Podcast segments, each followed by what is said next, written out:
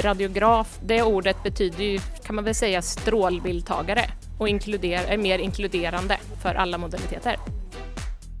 Nej, men jag tycker att nuvarande titel är missvisande. Nej, alltså jag tycker att eh, röntgensköterska säger mer av vad jag gör för någonting. Jag är både inne på röntgen och har den tekniska biten. Jag också har hand om omvårdnaden utav patienterna och det tycker jag inte att radiograf säger någonting om. Vi är ett stort gäng som är stolta över vår titel som röntgensjuksköterska, över vårt jobb. Eh, medan andra kanske tycker då att de skulle vilja ändra på det och vill gå vidare. Röntgenpoddens avsnitt 20 sänder bland annat från Röntgenveckan där diskussionens vågor har gått heta om röntgensjuksköterskornas framtida titulatur. Ska de kallas just för röntgensjuksköterskor eller kanske radiograf, vilket många från yrkesgruppen förespråkar? Vi försöker sätta oss in i frågan och har intervjuat två personer med motsatt uppfattning. Sen kommer vi också prata om fenomenet Jazz on Bones, hur röntgenbilder fick en viktig roll i spridningen av förbjuden musik under Sovjettiden. Som alltid skiftande ämnen i Röntgenpodden. Häng med på ytterligare ett avsnitt.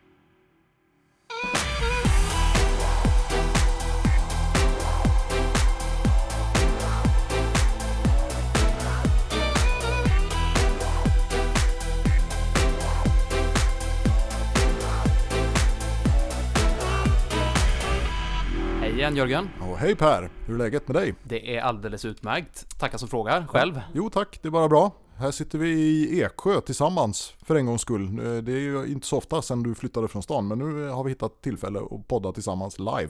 Så är det. Det kändes lite sådär märkligt att rulla in i stan och sen åka till Stadshotellet istället för Hallonvägen, men, men så är det. Ja, det förstår jag. Känner du dig som en främling i din egen stad? Nej, så långt har det inte gått. Inte riktigt ännu. Inte ännu. Snart kanske. Men för lyssnarna kan vi säga då att det är söndagen den 25 september och det är dagen innan vi ska dra igång med kursen i basal akutradiologi.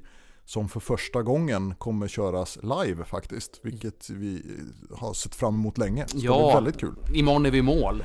Ja precis, och du kom eh, hit för bara någon timme sedan och vi ska eh, rigga lite grejer på Stadshotellet och sådär. Se till att tekniken där funkar. Men vi tänkte att vi får försöka riva av ett poddavsnitt också lite snabbt nu när vi, eh, nu när vi sitter här tillsammans i Eksjö.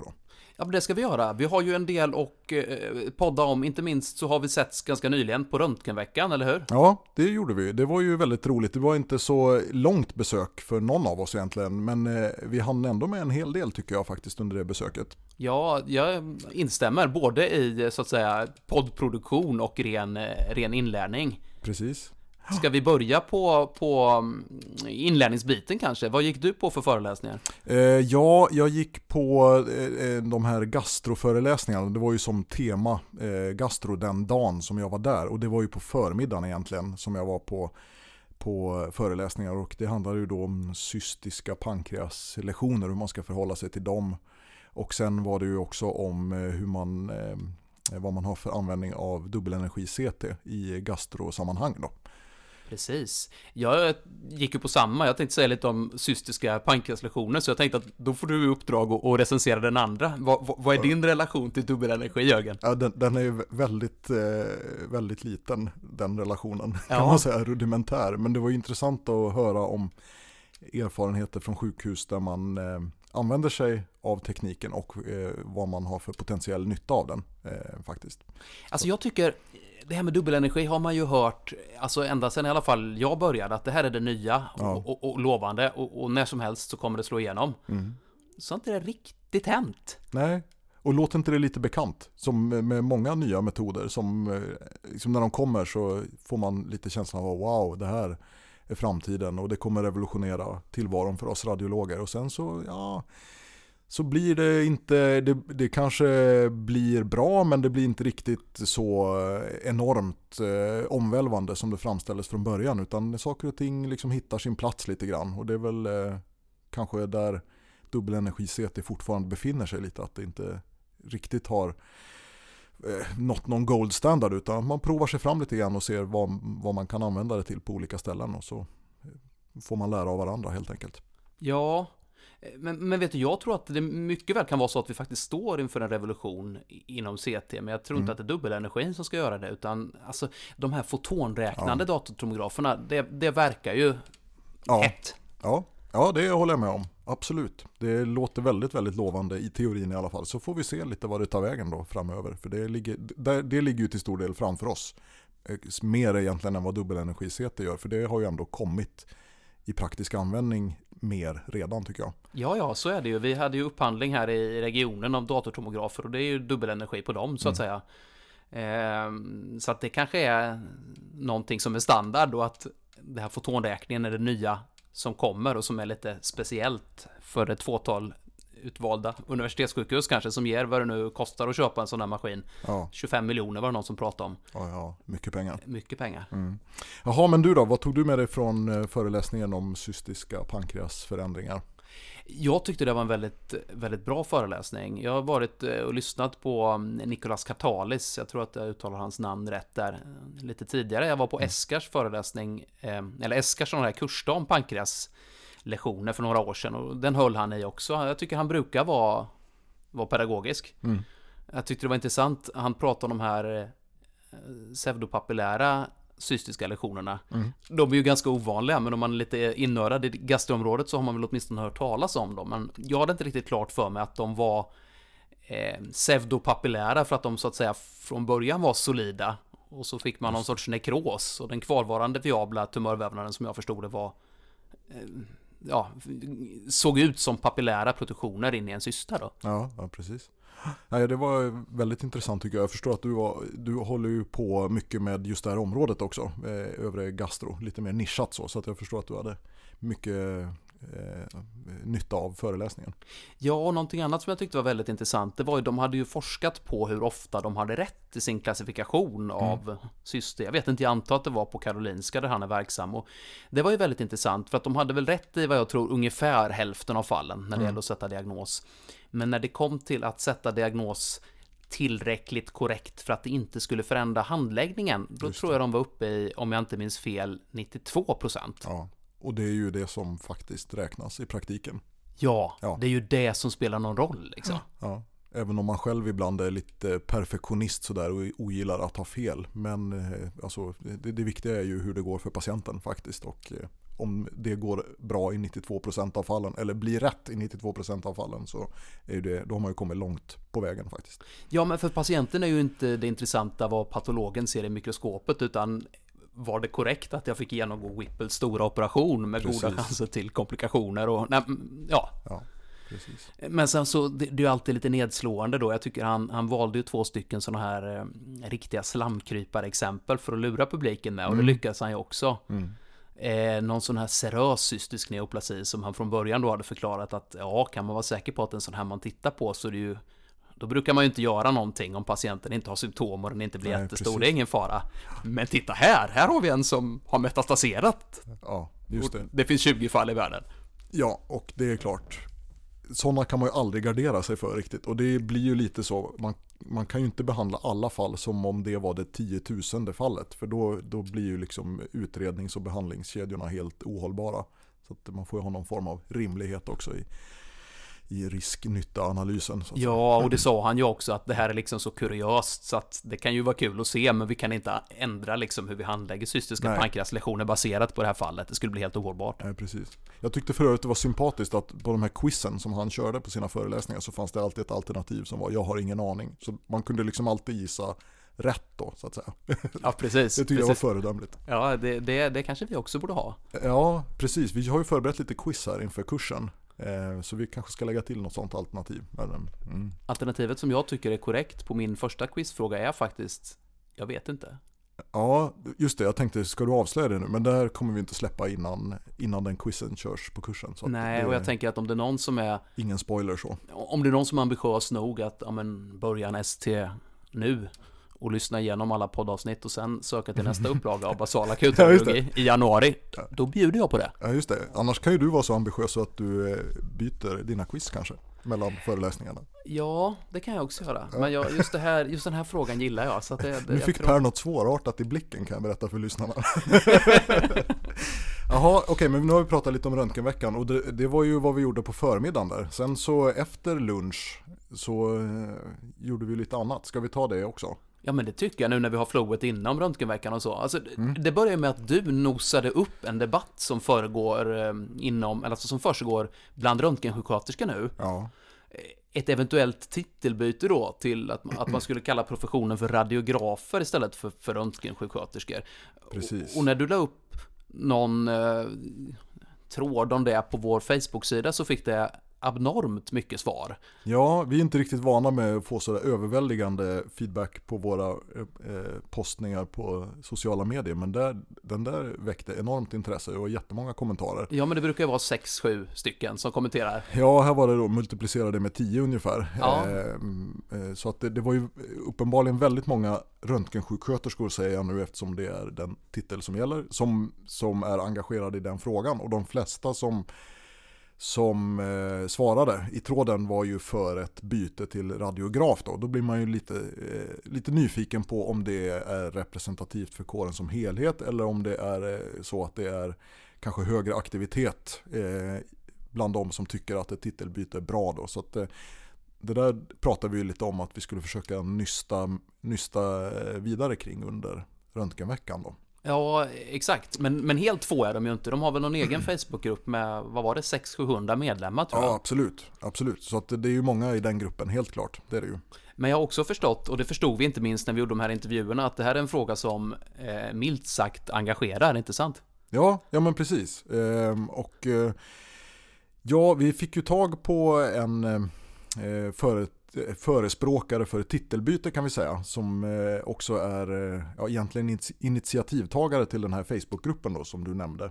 Eh, eh, som heter Ida Larsson som vi intervjuade. Och vi kan ju lyssna på den intervjun. Vi lyckades ta oss till röntgenveckan, vilket vi ju hade ambitionen om att ha en målsättning om att försöka. Ja, precis. Och nu sitter vi här. Det, vi, vi gick i mål. Nu sitter vi här och spelar in live, så det är förklaringen till att det är lite slamrande bakgrundsljud och sådär. Lite, lite mysigt som det ska vara när man intervjuar på en konferens, eller hur? Ja, men precis. Och vi har med oss eh, Ida Larsson som är röntgensjuksköterska, får jag kalla dig. För det är så titulaturen är fortfarande. Men eh, du vill helst byta titel, men vi kommer in på det. Men du är röntgensjuksköterska i Nyköping och sektionsledare på skelettsektionen, eller hur? det stämmer, precis. Just det, och eh, vi har med dig här för att eh, du är engagerad i frågan om titeln som röntgensjuksköterskorna ska ha och eh, du argumenterar för ett byte av den här titeln till radiograf. Ja, men precis. Jag tycker att det skulle vara en titel som bättre visar vad vi faktiskt gör. Okej, okay. och du är bland annat engagerad i en Facebookgrupp som har hur många medlemmar är det nu, vet du det? Eh, det är över 900, eh, förlåt, det är över 740 medlemmar som har gått med i den här gruppen och aktivt tagit ställning för eh, att heta radiograf. Det är det gruppen syftar till så att säga. Det är inte en allmän grupp för röntgensjuksköterskor utan ni driver den här frågan. Ja, precis. Det här är en grupp för att samla eh, röntgensjuksköterskor som vill att eh, yrkestiteln ska bytas till radiograf. Och det är i primärt var det för att vi skulle ha någonstans att samlas och diskutera och eh, ja, men, samla ihop oss i frågan och samla argument eh, inför, ja, men, inför motionen till årsmötet till exempel. Precis. Och, eh, jag tror att många av lyssnarna är inte fullt lika insatta i den här frågan som du förstås är eftersom du har engagerat dig eh, så pass mycket i den. Skulle du kunna berätta lite kort om de viktigaste argumenten för ett eh, titelbyte? Eh, ja, jag tänker eh, dels vad faktiskt orden betyder. Röntgensjuksköterska. Röntgen, vi håller på med många fler modaliteter eh, eller strålningstyper. Och vi är inte sjuksköterskor alls. Vi har ju en viss del av eh, omvårdnad, eh, radiografisk omvårdnad då i, i mitt fall. Eh, och radiograf, det ordet betyder ju kan man väl säga strålbildtagare och inkluder, är mer inkluderande för alla modaliteter. Eh, sen så tycker jag också att vi ska inte ha en yrkestitel som innehåller en annan legitimerad titel. För sjuksköterska, det är ju ett eget yrke som har en egen legitimation och sitt eget huvudområde och ja, sitt, sitt kunskapsområde och specialitet. Och vi kan ju inte jobba som sjuksköterska helt enkelt. Eh, men jag tycker att nuvarande titel är missvisande. Okej, och jag har förstått att eh, många, eh, många tycker att det ger upphov till missförstånd i vardagen också. Ja. Eh, kan du ge exempel på några sådana situationer som kan uppstå i vardagen? Jo, men det kan ju hända det har hänt mig till exempel när jag har varit hos någon med någon akut patient på, på röntgen så säger ah, men du kan, ta, kan du byta det här droppet sen när det här tar slut? Bara, nej, det kan jag inte riktigt göra för jag känner att jag inte är den utbildningen. Så. Eh, det är ofta man blir eh, att någon frågar sig, ah, men blir man, blir man sjuksköterska först då eller? Och sen är, det, är ni specialister? Har ni en specialistutbildning? Nej, det har vi ju inte. Det är en direktutbildning. Ja, men varför heter det sjuksköterska då? då? Ja, inte vet jag. eh, ja. Vi har ju haft eh, en del trådar uppe på Facebook i olika sammanhang i Röntgenpodden och jag, jag tror inte det är någon som har fått så pass många svar så snabbt och ärligt talat så unisont som den här frågan gällande titelbyte till, till radiograf och du sa att ni var över 700 i, i gruppen, så frågan är ju varför är inte det här titelbytet redan ett faktum? Är det, är det Socialstyrelsen som håller emot eller vad, vad är grejen? Ja, det är ju en bra fråga. Det är väl så att Svensk förening för röntgensjuksköterskor har ju inte tagit upp frågan. Eh, nu har ju den här gruppen i samarbete med varann, höll jag på att säga, men eh, har vi skrivit motion till Vårdförbundets kongress som var nu i maj och sen skrev vi motion till årsmötet nu. Och då har ju de, bägge de här, eh, dels Vårdförbundet och Svensk förening för röntgensjuksköterskor, varit tvungna att ta tag i frågan. Och jag kan ju inte svara för varför det inte är gjort förut, men debatten har pågått nu i, kan det vara, ett, ett, ett och ett halvt, två år kanske. Ehm, och den poppar ju upp lite då och då, har gjort under många år. Och eh, nu här på Röntgenveckan så var det ju årsmöte då för Svensk förening för röntgensjuksköterskor igår. Och till det mötet hade du och eh, ett ganska stort antal personer skrivit en motion i just det här ärendet och eh, då begärt att föreningen ska verka för ett titelbyte. Hur gick diskussionerna på mötet igår? Det var väl inte direkt några diskussioner. Jag läste upp motionen och styrelsen läste upp sitt yttrande och årsmötet gick på, eller sitt förslag och, och eh, årsmötet gick på eh, styrelsens linje. Blev det en votering? Eh, nej. Okej, så det var inte så mycket till debatt då, men vad, eh, vad blev det slutliga beslutet? Alltså vad var styrelsens förslag till beslut som sen gick igenom? Jo, då var det, det, det löd så här. Eh, jag kan säga vad vårt yrkande var då var det att föreningen tar ställning för ett byte av yrkestitel från röntgensjuksköterska till radiograf och att föreningen driver frågan vidare för ett byte av legitimerad yrkestitel till radiograf. Och sedan kommer eh, styrelsens svar, och, eller styrelsens yttrande och styrelsen föreslår att motionen avslås. Att SFRs styrelse kommer att arbeta för att arbetet bedrivs med stor delaktighet och förankring bland medlemsgruppen Okej, så fortsätta jobba med frågan helt enkelt. Ja. Och det tycker jag är jättebra. Att eh, SFR äntligen tar tag i frågan och eh, de ska ju tillsammans, eller vi kan jag väl säga, för jag är ju med i eh, föreningen, ta upp det här ihop med Vårdförbundet eftersom Vårdförbundets, den motion vi skickade till Vårdförbundet Nej, men det, då var det också att vi, vi ska titta på frågan och vi ska ta kontakt med Svensk förening för röntgensjuksköterskor. Okay. Och då var ju det gick ju, spann ju vidare då på den här, det här svaret att vi ska arbeta för att arbetet... Så, ja. Okej, okay, det här fort... Ja, och det här fortsatta arbetet då. Eh, presenterades det någon plan för hur det ska fortskrida och var det någon beskrivning om vad man ser för hinder framför sig i det arbetet? Eh, nej, de kort beskrev att det skulle vara eh, workshops framöver där alla som, som ville tror jag skulle få medverka och det verkade som att det var det närmsta året. Eh, så nästa, jag gissar att nästa styrelsemöte går åt till att ja, ja, förbereda det här arbetet. Eh. För det är väl inte så att frågan egentligen ägs av Svensk förening för röntgensjuksköterskor utan ett titelbyte det måste väl Socialstyrelsen besluta om antar jag, eller? Nej, men jag tror att eh, Vårdförbundet, myndigheter eh, universitet och så vidare kanske lyssnar mycket på yrkesföreningen. Ja. Eh, men samtidigt vet jag att det är flera som eh, skulle vilja heta radiograf som aktivt har valt att inte vara med i Svensk förening för röntgensjuksköterskor för att de vet att föreningen historiskt inte har arbetat för det. Okej. Vad tror du det här fortsatta arbetet, eh, eh vad det kommer leda till och eh, ser du positivt på vad som kommer komma ut av det arbetet? Ja men absolut. Jag tycker det ska bli eh, jätteintressant att göra det här på ett eh, eh sakligt neutralt mm, sätt och eh, men verkligen gå in på djupet i alla aspekter av ämnet. Vad som kan bli bra, vad som kan bli mindre bra eh, och så vidare.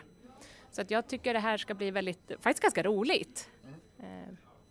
Skickar du en mejluppdatering till Röntgenpodden när ni har haft era workshops och vet var ni står så kan vi följa upp frågan? Ja, men det kan jag absolut.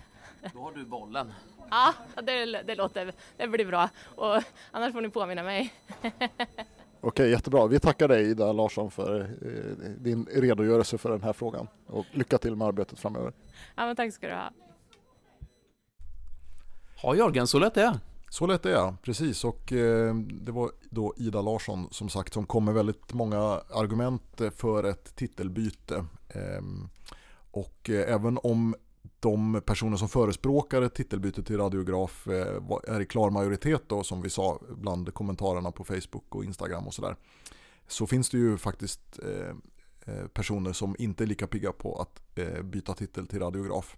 Det gör det. Och vi har eh, jagat rätt på en representant för den sidan också. Precis, vi lyckades få tag på Elisabeth Jonsson som är röntgensjuksköterska i Eksjö och som gärna vill ha kvar den titeln. Och eh, så här lät det när vi intervjuade henne. Jaha Jörgen, då har vår lilla ambulerande röntgenpoddstudio flyttat sig och vi har hittat ett nytt intervjuobjekt i frågan om röntgensjuksköterskorna och deras yrkestitel. Elisabeth Jonsson från Röntgen Eksjö. Välkommen till, eh, till studion får jag säga. Ja, tack så mycket. Och du är röntgensköterska som vill förbli röntgensköterska och du vill inte kallas radiograf. Nej, alltså jag tycker att eh, röntgensköterska säger mer av vad jag gör för någonting. Jag är både inne på röntgen och har den tekniska biten. Jag också har hand om omvårdnaden av patienterna och det tycker jag inte att radiograf säger någonting om. Du har varit med på det här eh, var det ett årsmöte där det blev, vad vi förstår, ganska höga vågor i diskussionen om det här bytet av yrkestitel? Ja, det var väl mest lite diskussioner innan. Där inne bestämde vi väl för att vi inte skulle gå vidare med det här beslutet utan att de ska undersöka saken. Ja just det, det är väl inget beslut som kanske går att ta på ett årsmöte sådär bara men det är i alla fall någonting som, som eh, det var inget absolut nej från föreningen så att säga. Ingen votering i frågan fick vi höra på, på vår förra intervju utan det, det är blandade åsikter helt enkelt. Eh, ja, där inne var det väl alla emot i stort sett och en som röstade för. Så, så, så blev det ungefär där. Så det, alla höll med Röntgensköterskeföreningen att man inte skulle gå vidare just nu i det hela utan man skulle undersöka saker med för och nackdelar mot det hela. Har du någon uppfattning om hur det kommer sig att det har blivit, en så, att det har blivit så starka känslor i den här frågan? Eh, ja, alltså vi är ett stort gäng som är stolta över vår titel som röntgensjuksköterska, över vårt jobb. Eh, medan andra kanske tycker då att de skulle vilja ändra på det och vill gå vidare. Det har varit eh, förfrågningar i många år men eh, vi har väl känt ändå att vi inte hör ihop riktigt med radiograferna. Eh, vet du om det är många fler som tycker som du och som kanske inte är riktigt lika välorganiserade eller eh, artikulerade som eh, de som är för ett titelbyte eller hur, hur ligger det till egentligen? Nej, men alltså det är rätt många och det var det på den här intresse när den träffades och diskuterade namnbyte innan då. Jag var inte med där men jag har hört mig för runt omkring och det är flera som tycker att vi ska vara kvar som röntgensjuksköterska. Ehm, Ja, det är väl mer så att man känner. Eh, jag är också lite rädd för att patienterna kommer inte kunna förknippa sig med eh, vad en radiograf är för någonting. Eh, vi, hade, vi provade med att byta ut avdelningens namn tidigare till radiologen, att patienten skulle komma. Men det blev så pass många som inte kom rätt och som andra fick visa till rätta så att vi gick tillbaka och heter röntgen nu igen. Ja, just det där känner jag igen. Jag kommer ihåg att folk rakt under skylten i Eksjö där du och jag jobbade då, där det stod radiologen, frågade ursäkta, var ligger röntgen? Tror du det skulle bli samma sak i det här läget? Ja, men jag tror alltså att de vet inte vad en eh, radiograf är för någonting. Alltså, eh, jag pratade med en nu och eh, hon sa att ja, men då kan de ju tro att jag jobbar på radio lika väl som att jag jobbar på en röntgenavdelning. Det säger ingenting om bilder. Kan man tänka sig att det är lite av en generationsfråga också kanske? Att det är snarare de, de yngre i yrket som är för ett titelbyte till radiograf och de som kanske har jobbat lite längre som inte är riktigt lika entusiastiska? Jag kan tänka mig att det kan vara en sån grej. Att det, det vet jag inte. Det, det känns lite så ibland men eh, eh, jag vet inte vad de yngre studenterna som jag för tillfället har nu också skulle tycka om att byta. Nu blev ju beslutet på årsmötet ändå att man skulle gå vidare med att utreda frågan och, eh, och konsekvenser och, och, så vidare. Eh, hur, hur, känner du inför det? det känns det ändå okej okay att eh, utreda vidare? Ja men det tycker jag väl att utreda vidare känns väl okej okay, liksom. För då kan man ju även ta reda på vilka för och vilka nackdelar är det och väga dem mot varandra. Och skulle man komma fram till att radiograf, att det finns många fördelar med det och inte så stora nackdelar så då har inte du något emot ett byte heller i så fall eller? Nej men jag tror att då kanske det blir likadant som hos sjukgymnasterna. Att det blir att man eh, låter dem som vill få heta röntgensjuksköterska och de andra heter radiograf och då blir det ju automatiskt i sådana fall att det går över efter en viss tid. Men eh, jag tror att det får ta en viss tid i sådana fall, liksom att man får vara dubbel jag får lite en känsla också av att eh, vad man vill kalla sig har lite att göra med vilken aspekt av yrket man vill betona. Eh, alltså de som är för ett byte till radiograf tenderar ju att betona eh, det tekniska inslaget. Man jobbar med eh, mycket maskiner av, av olika slag. Eh, Medan ni som snarare vill fortsätta heta röntgensjuksköterska betonar mer det humanistiska perspektivet. Ni jobbar med människor så att säga. Tror du det kan ligga någonting i det? Ja men det tror jag att det kan göra och det är ju mycket det här omvårdnaden i det korta mötet när vi träffar patienterna. Vi ska också naturligtvis kunna tekniken men vi ska kunna metodiken också. Eh, vi har olika åldrar, vi jobbar både med barn, vi jobbar med äldre. Eh, att kunna ta dem, eh, det är en viktig bit det här med omvårdnaden av patienterna i det korta mötet som vi har med dem. Ja, vi tackar dig Elisabeth för att du ville vara med i Röntgenpodden så får vi se hur frågan utvecklar sig framöver. Tack så mycket. Ja, tack så du Ja, det var två välformulerade sidor av samma mynt Jörgen. Vad, vad tycker du? Ja, eh, jag vet inte hur jag ska uttrycka det här eh, diplomatiskt så att det inte låter som att jag eh, är liksom eh, nonchalant. Men jag har verkligen ingen åsikt i frågan. Utan, och det kanske vi ska säga också att Eh, Eh, det var ju faktiskt förespråkare för båda sidor som, som frågade när vi väckte frågan eh, eh, Vad har ni radiologer med det här att göra? Alltså, så lite sådär känslan fick man av att eh, det, vi borde hålla oss borta från det här området tyckte de personerna. Det var intrycket jag fick i alla fall. Och, eh, ja, hur ska jag uttrycka det här så att det blir tydligt eh, nog? Jag har verkligen ingen personlig uppfattning. Om, om det är så att alla vill heta eh, titel A så kallar jag dem gärna för titel A. Vill alla heta titel B så kallar jag dem gärna för titel B. Utan jag var bara väldigt nyfiken på hur den här diskussionen blev så livlig och vad som låg bakom det. Eh... Ja, det är ju tydligt att känslorna svall, svallade betydligt mer på kongressen som helhet än, än vad vi fångade på de här två upptagningarna som var väldigt... Ja, precis, för vi pratade ju med fler personer och det var inte alla som ville vara med på en intervju kan vi säga. Eh, men det var många som hade väldigt starka känslor eh, i frågan. Så att eh, uppenbart så väcker det mycket känslor. Men som sagt, personligen har jag ingen åsikt. Jag vet inte om du har det heller. Nej, men eh, det, det, har jag inte. Däremot har jag kanske viss önskan om att byta titel själv. Ja, vad, vad vill du heta då? Men du, är väl, du är väl liksom jag bild och funktionsmedicinare? Ja, det stämmer. Det är ju det faktiskt stämmer. en, eh, vad ska jag kalla det, någon form av anomali i radiolog... Eh. Ja, det blev ju en kort parentes kan man säga. Ja. Ehm, och det är ju inte så att det är en titel som jag använder mig av när jag när jag presenterar mig för folk. Så på så vis kan jag förstå de som känner sig fångna i en felaktig titel. För jag kallar mig ju väldigt sällan för specialist i bild och funktionsmedicin. Det är ju väldigt formella sammanhang om man ska fylla in någon blankett eller så, där det liksom ska stå rätt då. Och ännu mindre funkar det på engelska. I'm a specialist in picture and function medicine. Det fattar ju ingen Nej, men jag tror vad det, det betyder. jag tror det är vedertaget att man översätter det till radiologist. Ja men precis, och det säger jag ju om jag träffar någon på en civilist på en fest så säger jag jag är röntgenläkare eller möjligen radiolog. Eh, Så att, eh, nej visst. Jag kan förstå eh, som sagt eh, känslan av att eh, man inte har en korrekt titel och att man, att man vill byta då. Men likväl kommer jag inte ihåg några stora känsloyttringar när vi bytte. Nej, precis det har du helt rätt i. Ja, eh, visst, det var kanske lite diskussion om, ja, eh, alla kanske inte tyckte att det här tillförde så mycket liksom eller så, men det var ju inte den här nivån på debatten i alla fall, att, eller på engagemanget. Det kan man inte säga att det var. Så att, ehm, ja, jag vet inte.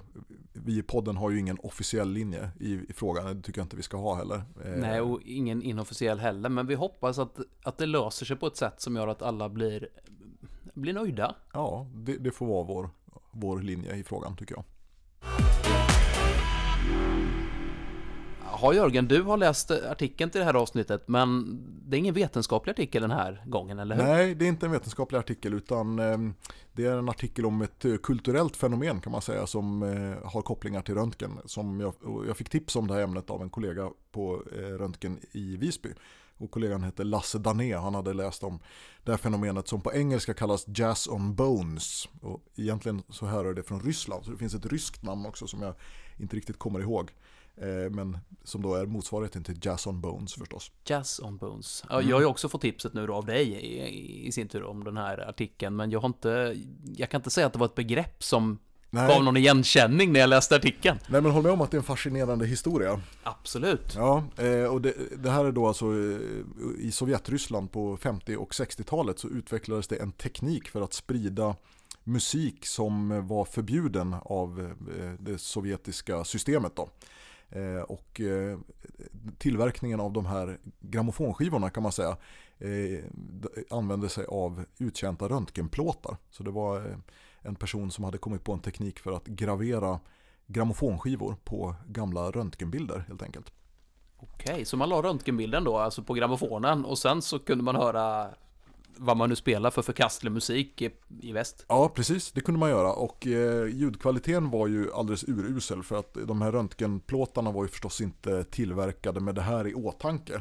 Eh, så att det var väldigt dålig ljudkvalitet och de höll kanske för 10-15 spelningar innan de här nålarna då på grammofonskivorna som eh, var gjorda av någon form av, av eh, stål. Eh, de rev ju sönder röntgenplåtarna till slut. Men då på skivtallriken så kunde man då se kanske en urografi eller en luftskalle eller en eh, humerusfraktur eller någonting snurra. Samtidigt som det eh, kom eh, plåtaktig jazzmusik ur, ur högtalaren. Men var det ett spritt fenomen det här, eller var det... Eh, ja, alltså han, den här personen då som, som kom på det, han var ju väldigt produktiv. Eh, så på så vis var det spritt. Sen vet jag inte riktigt hur, hur stor andel av Sovjetmedborgarna som lyssnade på, på, eh, Bones. benjazz då så att säga. Nej men det var inte någonting som fanns i var och varannan stad, liksom att röntgenplåtarna återvanns, utan det var någon, någon kille som, som uppfann det. Ja, precis. Det var det. Och han hade, han hade väl med sig en maskin eh, tillbaka från andra världskriget, var det inte så? Han hade lyckats eh, lägga vantarna på den eh, när han var då inkallad i Sovjetarmén i slutet på andra världskriget. Ja, var, visst, visst var det så, alltså att Jazz on Bones var bara en del i hans verksamhet? Alltså att han, han eh, släppte olika bootleg-versioner av västerländsk eh, musik och, och, och det började med röntgenplåtar, men sen så... Ja, precis. För att eh, han blev ju påkommen då, så att han blev skickad till Sibirien och fick sitta där i några år. Och det var ju också en ganska intressant historia, för att där mötte han ju väldigt många musikintresserade. För att det var ju inte bara han som ägnade sig åt förkastlig kulturell verksamhet utan eh, koncentrationen av sådana personer var ganska höga då i, i Gulag just så att eh, där träffade han likasinnade vänner kan man säga och han filade lite på tekniken också. Det låter liksom någon sorts sovjetisk motsvarighet till den svenska folkhögskolan, kanske? ja, just det. ja, kanske det. I alla fall så eh, när han kom tillbaka där från Gulag då hade han ju kommit på en metod eh, för att mjuka upp ytlagret på befintliga grammofonskivor och eh, liksom spela in dem igen med annan musik då. Eh, och han satte ju det i system. Ja, just det. Han, han köpte in de stora eh, diktatorernas tal och... Ja precis, för, att, för det var ju en fråga då, hur får man tag på råvaran, alltså hur får man tag på grammofonskivor? Och eh, det fanns ju väldigt stora mängder av patriotisk militärmusik och eh, politiska tal av Lenin och Stalin som såldes till kraftigt subventionerade priser då. Så, Ja. så de, sådana skivor köpte han in i mycket stor mängd. Och på det sättet så kom myndigheterna honom eh, på spåren igen, Ja, vilket är helt fantastiskt. För att, eh, de fattar ju att det här är ju något skumt i görningen. Det finns ju ingen Ingen normal ju människa som, som, som köper de här produkterna. Så de fattar ju att det här var något skumt. Och eh, de kom på honom då och skickade honom till Sibirien ännu en, ännu en gång då. Ehm, Ja, det, det är lite spännande ändå. Det är liksom ett system som inte ens tror på sig självt. Så om någon annan tror på systemet så måste det vara något brottsligt. ja, på något, på något konstigt sätt så är det liksom institutionaliserat hyckleri. Jag vet inte. Ja, det går så många varv liksom. Ja, så. precis. Och det, det får mig att tänka på en rolig historia för övrigt som jag hörde om, apropå kriget i Ukraina nu då. Det är ju inte något roligt naturligtvis, men, men eh, en rysk rolig historia om en eh, man som står och demonstrerar på Röda torget i Moskva eh, och som håller upp ett plakat där det står presidenten är en idiot. Nej, det, det får man inte göra. Det, nej, det, det får man inte göra och då kom ju naturligtvis polisen inom några minuter och haffade honom. Eh, varpå han säger, eh, men vad håller ni på med? Jag pratar förstås om president Biden. Och då svarar polisen, nej nej, eh, tror du vi är dumma eller? Vi vet minsann vilken president det är som är en idiot. ja, precis samma anda så att säga. ja, precis samma anda. Ja, just det. Ja, men den här, eh, den här eh, herren då som ägnade sig åt privat eh, skivutgivning med röntgenbilder och sedermera eh, mer vanliga skivor. Ja, han blev utkonkurrerad sen va? Inte av datortomografen eller hur, hur var det? Nej, men det var väl som, som så ofta att liksom den tekniska utvecklingen eh, sprang ifrån verksamheten. För han blev ju då skickad till Sibirien ännu, ännu en gång eh, efter att KGB fattade misstankar om, mot hans nyvunna patriotism. Då. och efter att han kom tillbaka från den, eh, den eh, vändan, då hade det ju den här eh, rullbandspelaren gjort sitt intåg även i Sovjetunionen. Vilket gjorde hans tekniska uppfinningar obsoleta. Ja, Så att, just det. Mm, så det var en ganska kort period ändå som det här förekom. Men tydligen så finns det fortfarande eh, kvarlevor, eh, alltså sådana här inspelningar då, röntgenbilder som eh, är graverade med musik som man kan hitta på loppmarknader och sådär i eh, de gamla öststaterna. Ja, det var ju roligt. Det är kulturhistoriskt värde och vilken grej för en röntgenpodd. Ja men precis, och jag tänker vi kanske, vi måste ju nästan lyssna på ett, ett exempel på en sån här inspelning, eller hur? Och så, då tycker jag, då ska man försöka föreställa sig känslan av att sitta i ett 16-våningars betonghus i Leningrad eh, och så har man fått, eh, fått tag på en, en skiva med eh, västerländsk musik som man vill lyssna på men man vågar inte riktigt spela den för högt så att grannarna kan höra och tipsa eh, KGB om att det är en, en förrädare som bor i lägenheten intill utan man lyssnar på lite lagom volym, sitter där vid, vid köksbordet och tittar ut över kanske en gråkall novemberkväll eh, och så hör man detta.